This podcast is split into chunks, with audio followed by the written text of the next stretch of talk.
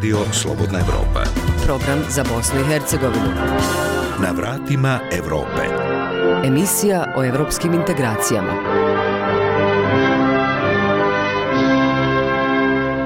Srdačan pozdrav, poštovani slušalci, moje ime je Gojko Veselinović. U današnjoj emisiji poslušajte Udruženja poljoprivrednih proizvođača iz Bosne i Hercegovine zatražila su od Savjeta ministara BiH uvođenje konkretnih mjera u zaštiti domaće proizvodnje u vidu donošenja određenih zakona i uvođenja akciza na uvezene robe. Ukoliko do februara njihovi zahtjevi ne budu ispunjeni, poljoprivrednici u BiH najavili su prvo mirne proteste, a zatim i blokadu granica, kaže Savo Bakajlić, predsjednik regionalnog udruženja poljoprivrednika Semberije i Majevice i član upravnog odbora odbora Udruženja poljoprivrednika Bosne i Hercegovine. Mi ćemo izaći blokirati ako treba i granice i sve ono što, što, što nam je da se zaštitimo. Neće da nas zaštiti institucije, neće država zaštiti, ćemo se mi sami. BiH je početkom 2018. godine usvojila strategiju razvoja poljoprivrede, ali stručnjaci upozoravaju da se od tada ništa nije promijenilo jer se ova strategija ne sprovodi i nema dugoročnih ciljeva. Jedan od primjera jesu istraživanja koja se radi na poljoprivredno-prehrambenom fakultetu u Sarajevu, koja koriste norveški poljoprivrednici,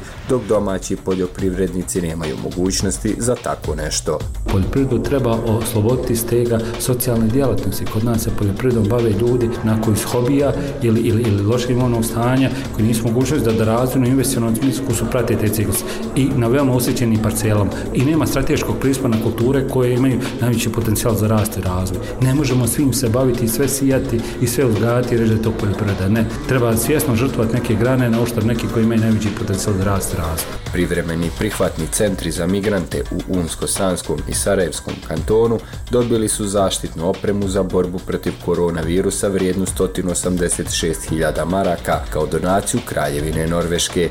Naši timovi svakodnevno su 24 sata prisutni u kampove, isto tako i van kampova. Tako da nam je jako bitno i jako drago to što eto kao što kraljevstvo Norveška je prepoznalo te potrebe da pomogne ovaj dio i veliko, veliko hvala njima. Udruženje žena priroda iz Bratunca realizuje više projekata u cilju osnaživanja žena u selskim područjima. Prije svega radi se znači razvoj uz učešće zajednice uz aktivno učešće sa fokusom na žene u tom razvoju. Dalje je to ekonomsko osnaživanje žena i treći nekakav strateški pravac jeste stvaranje društva jednakih mogućnosti. U nastavku emisije poslušajte opširnije o ovim temama. Slušajte nas, gledajte nas, čitajte nas. Sve na jednoj adresi slobodnaevropa.org. Udruženja poljoprivrednih proizvođača iz Bosne i Hercegovine zatražila su od vijeća ministara BiH konkretne mjere u zaštiti domaće proizvodnje u vidu donošenja potrebnih zakona i uvođenja akciza na uvezene robe. Žale se na prekomjeran uvoz i nerealno niske cijene uvezene robe, a sumnjaju i u kvalitet namirnica koje se uvoze. Krajem decembra prošle godine poljoprivrednici iz BiH održali su mirni protest upozorenja, a sada za kraj februara najavljuju masovne proteste i blokade granica ako im se ne počnu ispunjavati zahtjevi. O svim ovim problemima razgovaramo sa Savom Bakajlićem, predsjednikom predsjednikom regionalnog udruženja poljoprivrednih proizvođača Semberije i Majevice, koji je član upravnog odbora udruženja poljoprivrednika Bosne i Hercegovine.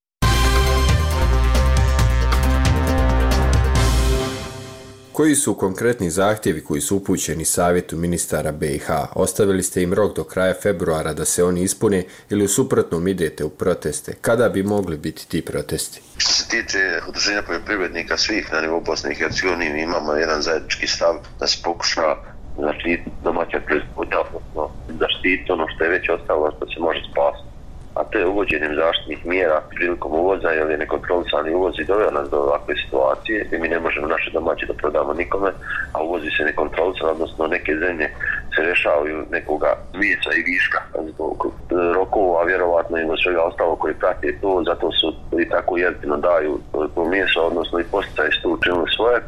Mi smo pokušali da iznađemo E, rešenja, odnosno jedini rešenje za sve to je e, uvođenje zaštitnih mjera u vidu polemana i carina na, na granicama. Znači da se uh, uvoz malo pooštri situacije ko počine neko uvozi, jer mi svakako u Bosni i Hercegovini ne možemo više od 37% hrane da proizvedimo, ostalo se uvozi svakako. I onda smo izašli tu na jedan na jednu prepreku gdje jednostavno sam sporazum stabilizacije i pridruživanja kako ga tumače naši političari je ovaj kao e, ne možemo mi to otvarati ovako onako, međutim nije tačno, e, tamo sporazum uvijek piše ukoliko dođe do, u, da bude domaća proizvodna ugrožena sa tržištem, znači pa, u sistemu prekomjernog uvoza i svega, tamo član 23 je jasan i kaže da mogu da se uvedu zaštitne mjere u nekim određenim intervalima za proizvode, gdje se jednostavno pa, tu domaće potrošiti i onda ostalo se uvozi svakako. Mi smo imali tu prepreku od savjeta ministra, odnosno i ministra trgovine trgovnih konskih odnosa Sašo Košarac je nerazumno izašao prema nama. Malo je to više ispolitizovano nego što je to tako, to nije tako, mi smo izašli onda na sastanak da izađemo na proteste, da, da pokušamo jednostavno pokazati sliku u kakvoj smo mi situaciji. Procesi su bili samo e, protesti najave, Izašli smo na proteste, bili smo uh, dostojanstveno kulturno znak upozorenja ukoliko se ne desi 23. februara. To je stav svih udruženja u Bosni i Hercegovini, znači pod istim krovom. Mi izlazimo znači pred parlament Bosne i Hercegovine gdje ćemo morati držati jedne proteste u pitanju toga. Ja ne znam šta će biti dalje, dalje je sve diskutabilno. Ali mislim da je nekorektno da se tako odnosi prema građanima, svi ovi koji su ljudi na, na funkcijama određenim, čak nas nisu htjeli na primjer na neke razgovore po pitanju toga da jednostavno predložimo možda i neka dodatna rješenja po tom pitanju. Mi imamo sve pred nama e, ide kako ćemo riješiti sve ostalo i da svi budu zadovoljni, međutim vidite i sami da mesoprerađivački sektor nas je jednostavno zabacio u stranu i oni jednostavno sad neće da kupi ništa što je domaće i to je još jedan absurd. I evo vidite i sami do čega smo mi došli. Mnogo je to e, žalostno i jadno u ovoj državi. Tako ipak smo mi ljudi ovdje najpošteniji ljudi koji rade i koji, koji prizvodimo zdravu hranu, a ne znamo šta jedemo narod. I, i u ovoj Bosni i Hercegovini nema pojma šta oni jedu po, po nekim marketima i po svemu ostalo. Ja neću da, da, da komentarišem. To je za svaku jednostavno ljudi su ogorčeni na ovaj sistem i ne znam dok čega će udoći. Mi ćemo izaći 23. februara ako treba pred parlament. Ako se nešto ne riješi, vidim da ima možda neki pomak, ali ja sam optimista i svi moji kolege iz udruženja na cijeloj nivou Bosne i Hercegovine smo optimisti i jedno se mora ovom stati na kraj. Kažete da prekomjeran uvoz guši domaću proizvodnju te da uvezena roba ima nerealne cijene u odnosu na domaće proizvode. Možete li pojasniti o čemu se tu radi? Eh, evo sad trenutno ću vam eh, eh, uh, uh, pojasniti sistem uvoza svinjskog mesa.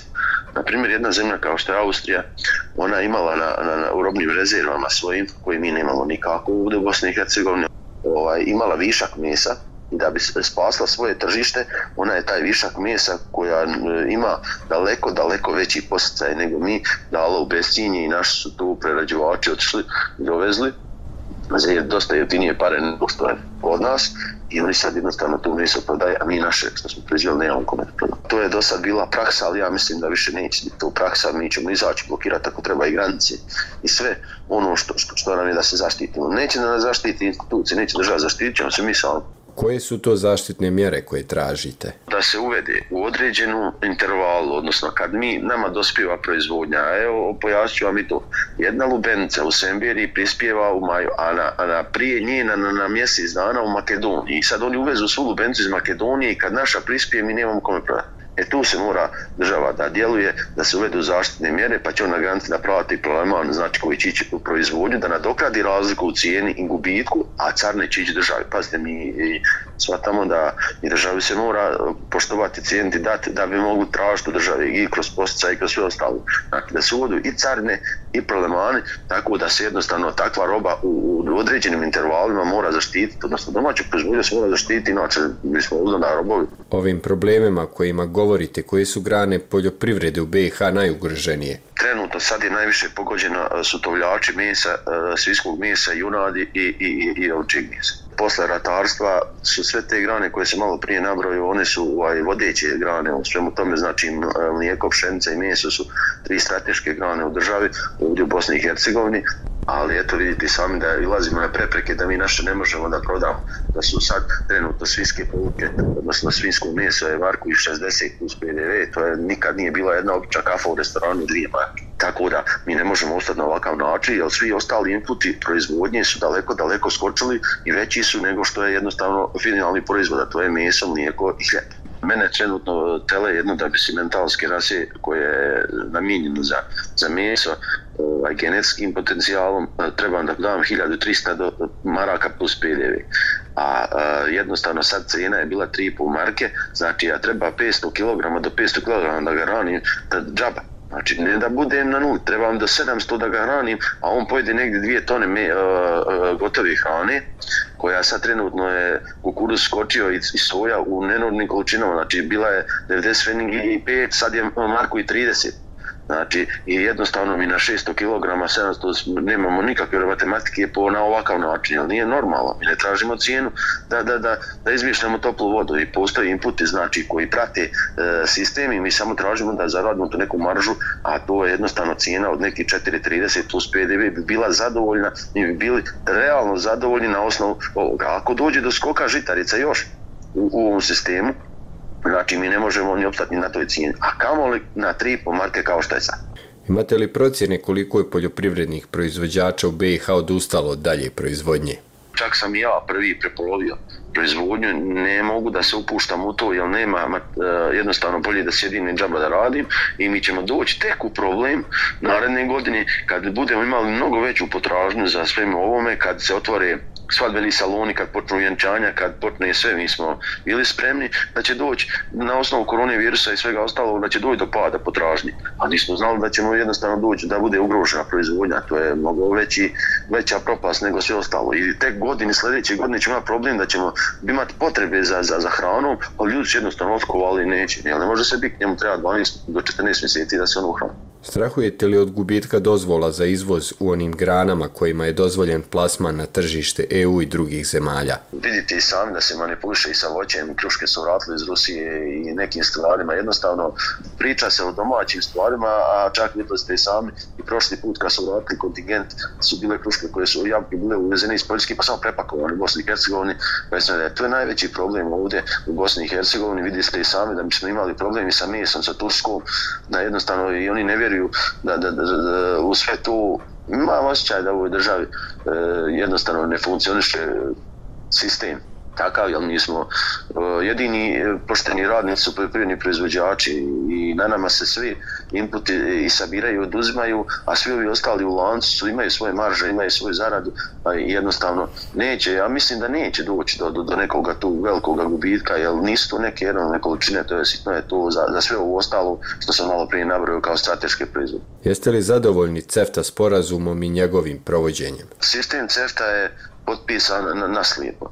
E, to je mišljenje i stav udruženja kojeg ja predstavljam. E, zašto? Zato što mi nije, poljoprivrednim proizvođačima, ni mi nismo pripremljeni prvo za to, mi smo trebali biti pripremljeni kroz veći prosticaj, kroz neke e, dugoročne mjere, da bi se mi mogli biti konkurentni svim ostalim. Ne možete za jednoga, e, pazite samo jednu stvar, mi ovdje u Bosni i Hercegovini e, smo podijeljeni na dva entiteta i dva ministarstva e, entitetska vode politiku poljoprivrede uh, jedan uh, bik koji se utovi u Sarajevo je posticaj do hiljadu maraka, ja ne da i kanton vlada se, a mi ovdje jedan u Semberi u Bijeni, dobije 140 maraka. Mislim, i onda vam treba da bude sve jasno.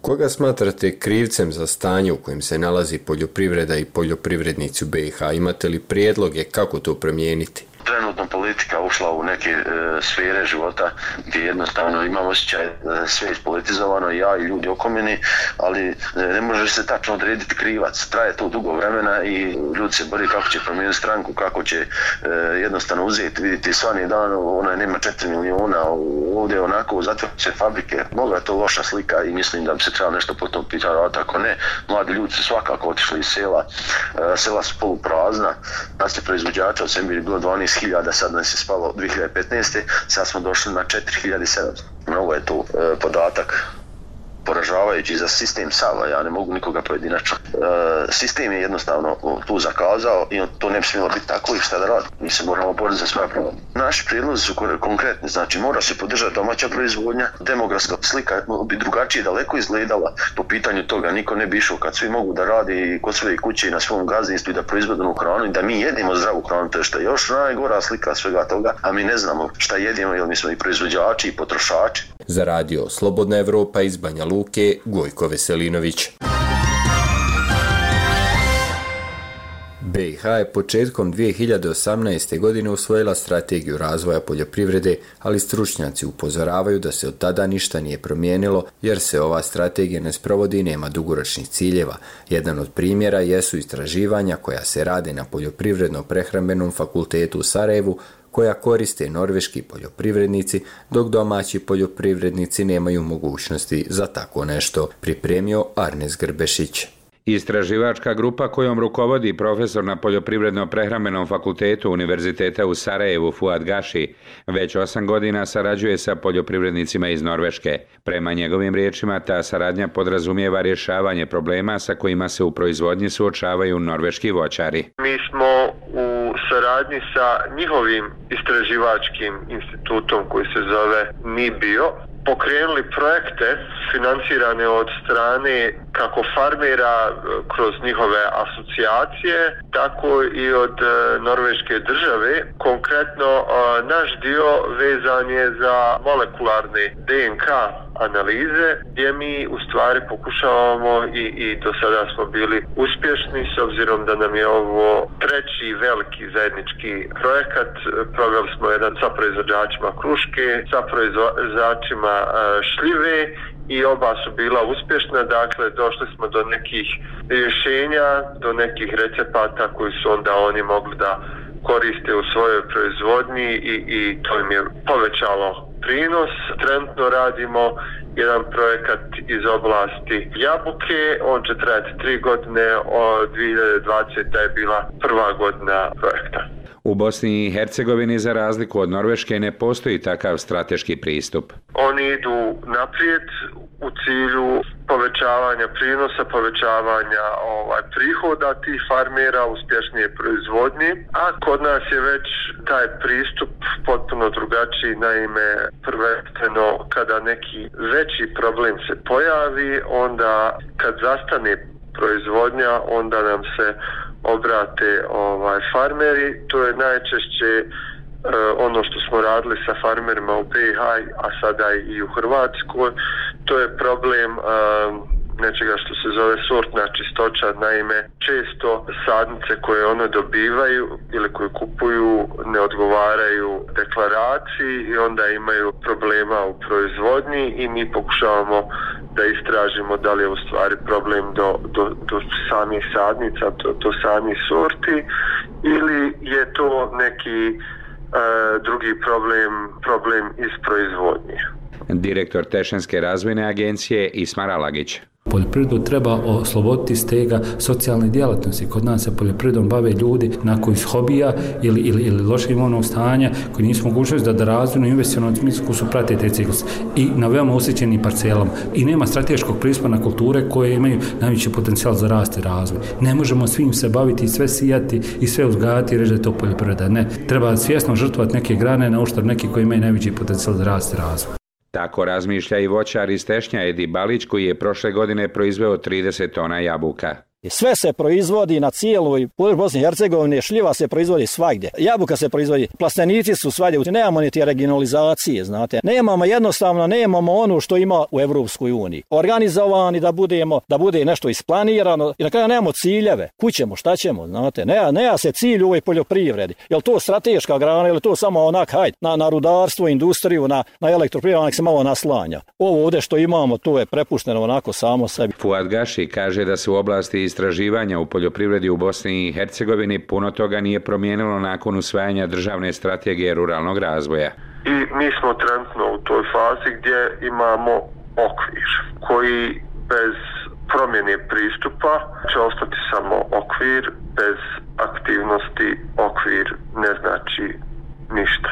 Nadležni za poljoprivredu koji vrše raspodjelu poticaja domaćim poljoprivrednicima u tome nemaju strateški pristup i to je veliki problem za agrar u Bosni i Hercegovini, naglašava profesor na poljoprivrednom prehrambenom fakultetu u Sarajevu Fuad Gaši. To je već pristup rješavanja socijalnih pitanja, znači da se omogući ljudima da se i ole bave nekom proizvodnjom, te da ostanu na nekom minimumu gdje mogu da zarađuju za život, a to mislim i nije poenta poticaja svugdje u razvijenom svijetu, već da unaprijedi proizvodnju i, i na kraju krajeva da stvori situaciju gdje ljudi se neće baviti poljoprivredom da bi preživjeli, već da bi dobro zaradili. Za radio Slobodna Evropa iz Tešnja, Arnes Grbešić. Radio Slobodna Evropa, program za Bosnu i Hercegovinu. Imamo zajedničku viziju, slijedimo svoju misiju. Radio Slobodna Evropa. Ambasador Kraljevine Norveške u Bosni i Hercegovini Olav Reinercen posjetio je privremeni prihvatni centar za migrante u hotelu Sedra u Cazinu. Tim povodom uručuje dio zaštitne medicinske opreme za borbu protiv pandemije COVID-19. Kontingent vrijedan 186.000 maraka sastoji se od zaštitnih maski i rukavica, dezinfekcijskih tunela i sredstava za dezinfekciju te toplomjera i zaštitnih odijela. Ova oprema podijelit će se i drugim centrima za migrante u Unsko-Sanskom i Sarajevskom kantonu. Prilog Azre Bajrić.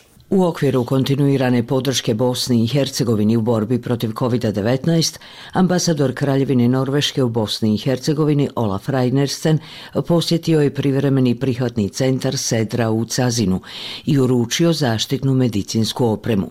Dio je to kontingenta opreme vrijedne 186.000 maraka, koju je vlada Kraljevine Norveške u suradnji sa razvojnim programom Ujedinjenih naroda i uz podršku Međunarodne organizacije za migraciju migracije osigurala za ljude u pokretu koji trenutno borave u Bosni i Hercegovini. This is actually part of uh, Norway support to BIH uh, in general. Ovo je dio kontinuirane pomoći koju Norveška daje Bosni i Hercegovini vezano za borbu protiv COVID-19. Danas imamo sinhroniziranu akciju na tri lokacije. Ovdje u Bihaću i Sarajevu se predaju donacije. Imao sam priliku posjetiti ovaj kamp, jako sam impresioniran sa onim što sam vidio i kako IOM i druge organizacije rade svoj posao. Također sam se susreo sa gradonačelikom Cazina i sa njim razgovarao. Želim poručiti da Norveška može i hoće pomoći Bosni i Hercegovini u ovoj teškoj humanitarnoj situaciji i u situaciji izazvanoj pandemijom koronavirusa. In this very, very difficult humanitarian situation, also when it comes to COVID-19 equipment. Na uručenoj donaciji zaštitne medicinske opreme norveškom ambasadoru zahvalio se IOM koordinator za hitne situacije situacije za Unsko-Sanski kanton Vladimir Mitkovski.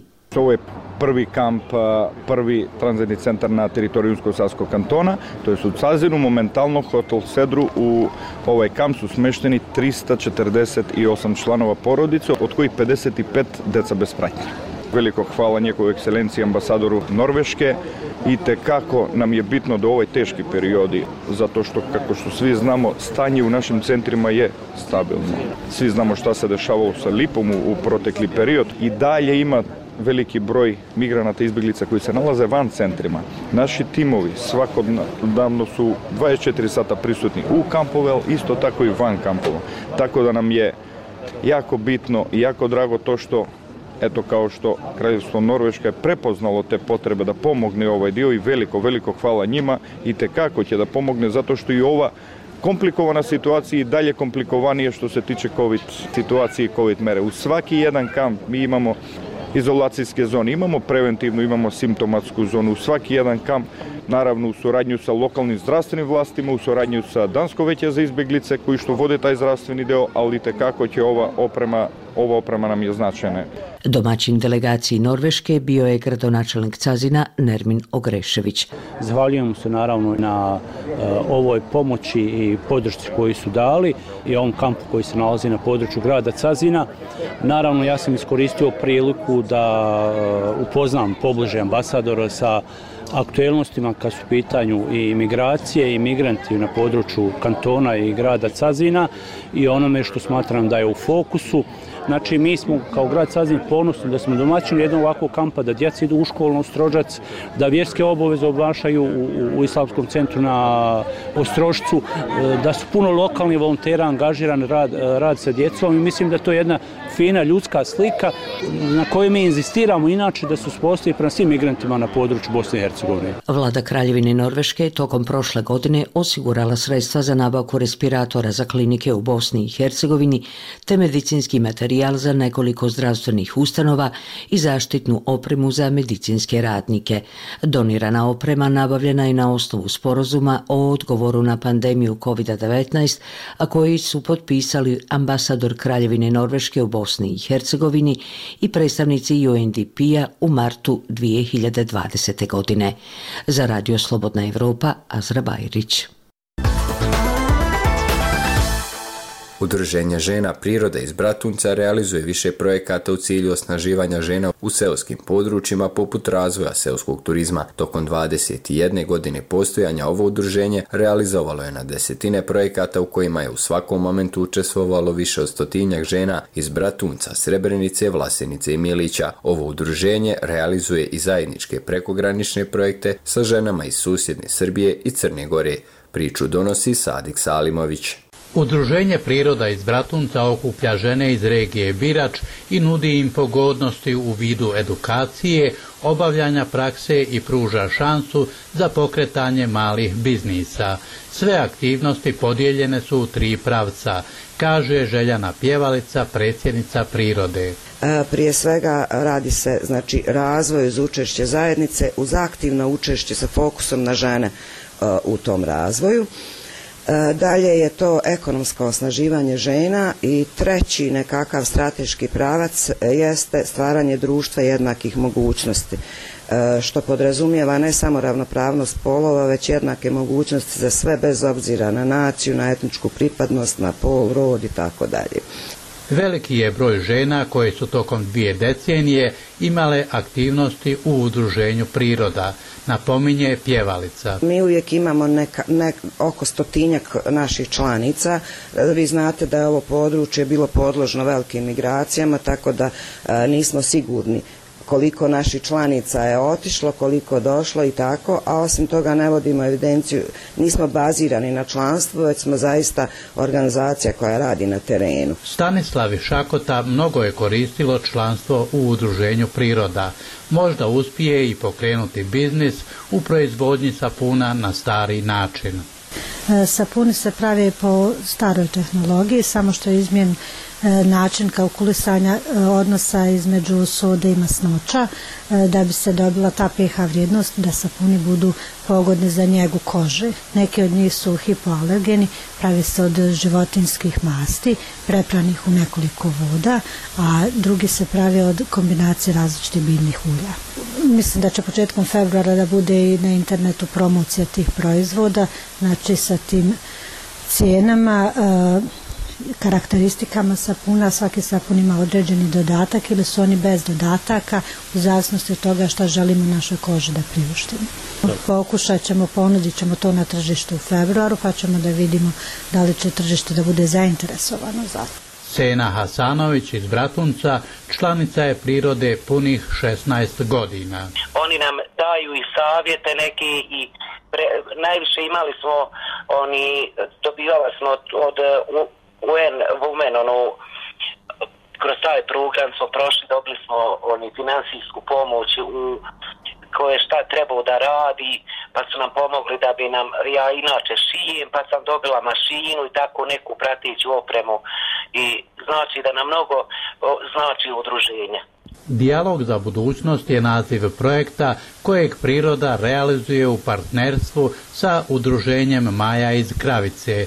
Radi se o prekograničnoj saradnji sa ženama iz Crne Gore i Srbije, ističe Željana Pjevalica. Sarađujemo sa udruženjima iz Bijelog polja, znači Crna Gora i e, iz Ljubovije e, Srbija i evo imamo sad u petak subotu za, završnu aktivnost gdje imamo jednu razmjenu književnog i scenskog stvaralaštva sa tim udruženjima.